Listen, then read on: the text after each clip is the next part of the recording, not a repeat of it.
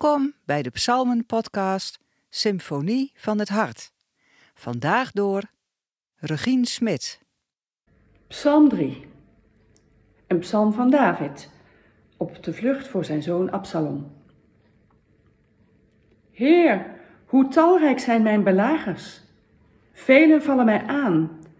Velen zeggen van mij, God zal hem niet redden.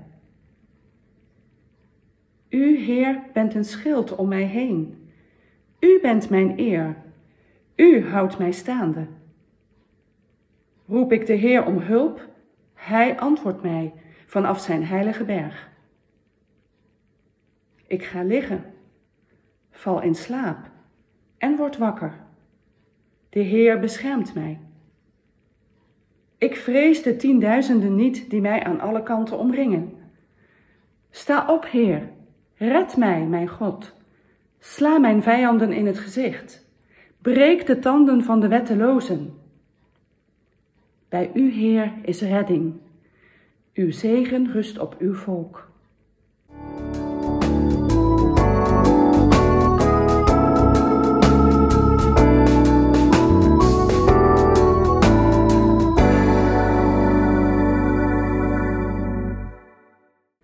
In ongenade vallen.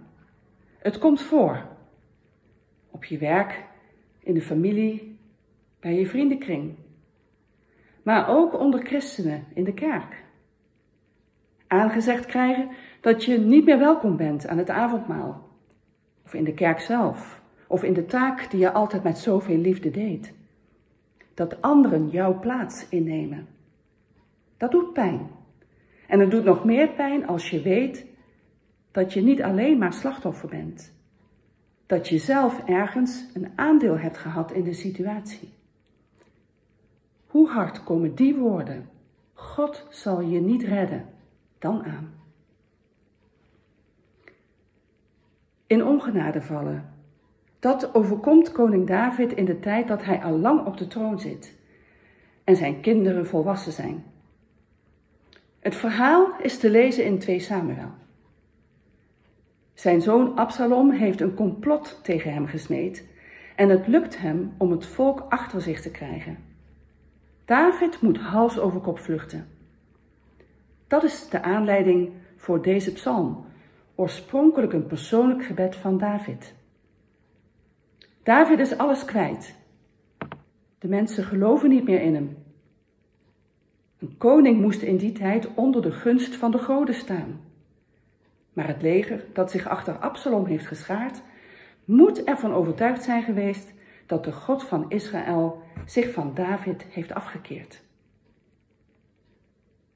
We horen David in deze benarde situatie, terwijl hij alleen maar meer belagers ziet komen, die dit van hem zeggen: God zal hem niet redden. Dat is psychologische oorlogsvoering. Het wil zeggen, je maakt geen kans. Je bent een makkelijke prooi geworden, weerloos tegenover God die met ons is.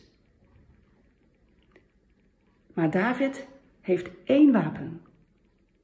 Hij gelooft die woorden niet. Hij wendt zijn ogen af naar God en zegt: Ik ben uw bescherming niet kwijt. Mijn leven is gegrond in u. U houdt mij staande. Of letterlijk staat er: U heft mijn hoofd omhoog. En daar zit de kern van de geloofskracht van David.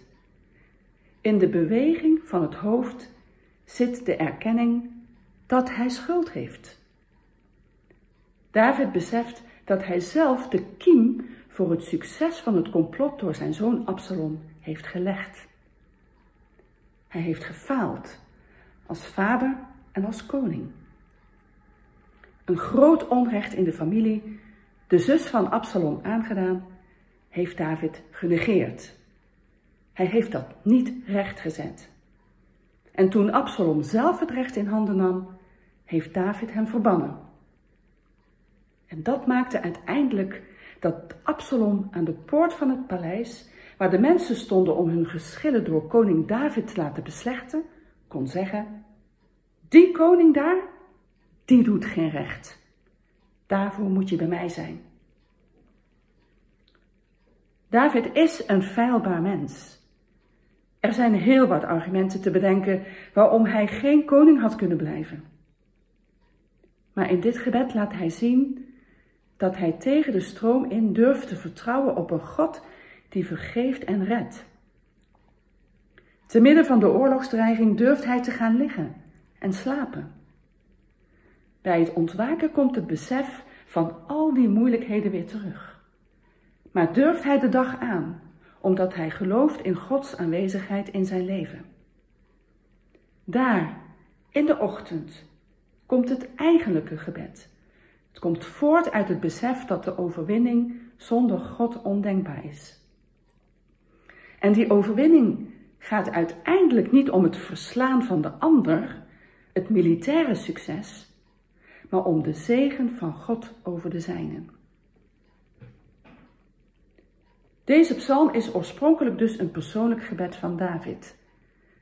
Werd in later tijden door vele koningen van Israël gezongen in tijden van militaire moeilijkheden. En kwam uiteindelijk als ochtendgebed in de liturgie terecht.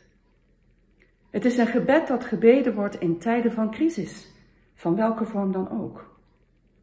En vandaag kan ieder van ons deze woorden bidden, recht vanuit het hart, als bij het wakker worden een moeilijke dag voor je ligt. Bijvoorbeeld omdat je afwijzing en oordeel van anderen onder ogen moet komen. Omdat je erkent dat je leven geen zwart-wit verhaal is, net als in deze psalm. Dat je vaak aan de goede kant van het kwaad hebt gestaan, maar niet in alles. De kern van dit gebed is dat als je in zo'n situatie in de morgen voor die dag je leven in handen van God legt, Hij je desondanks niet laat vallen, wat er ook voor je ligt.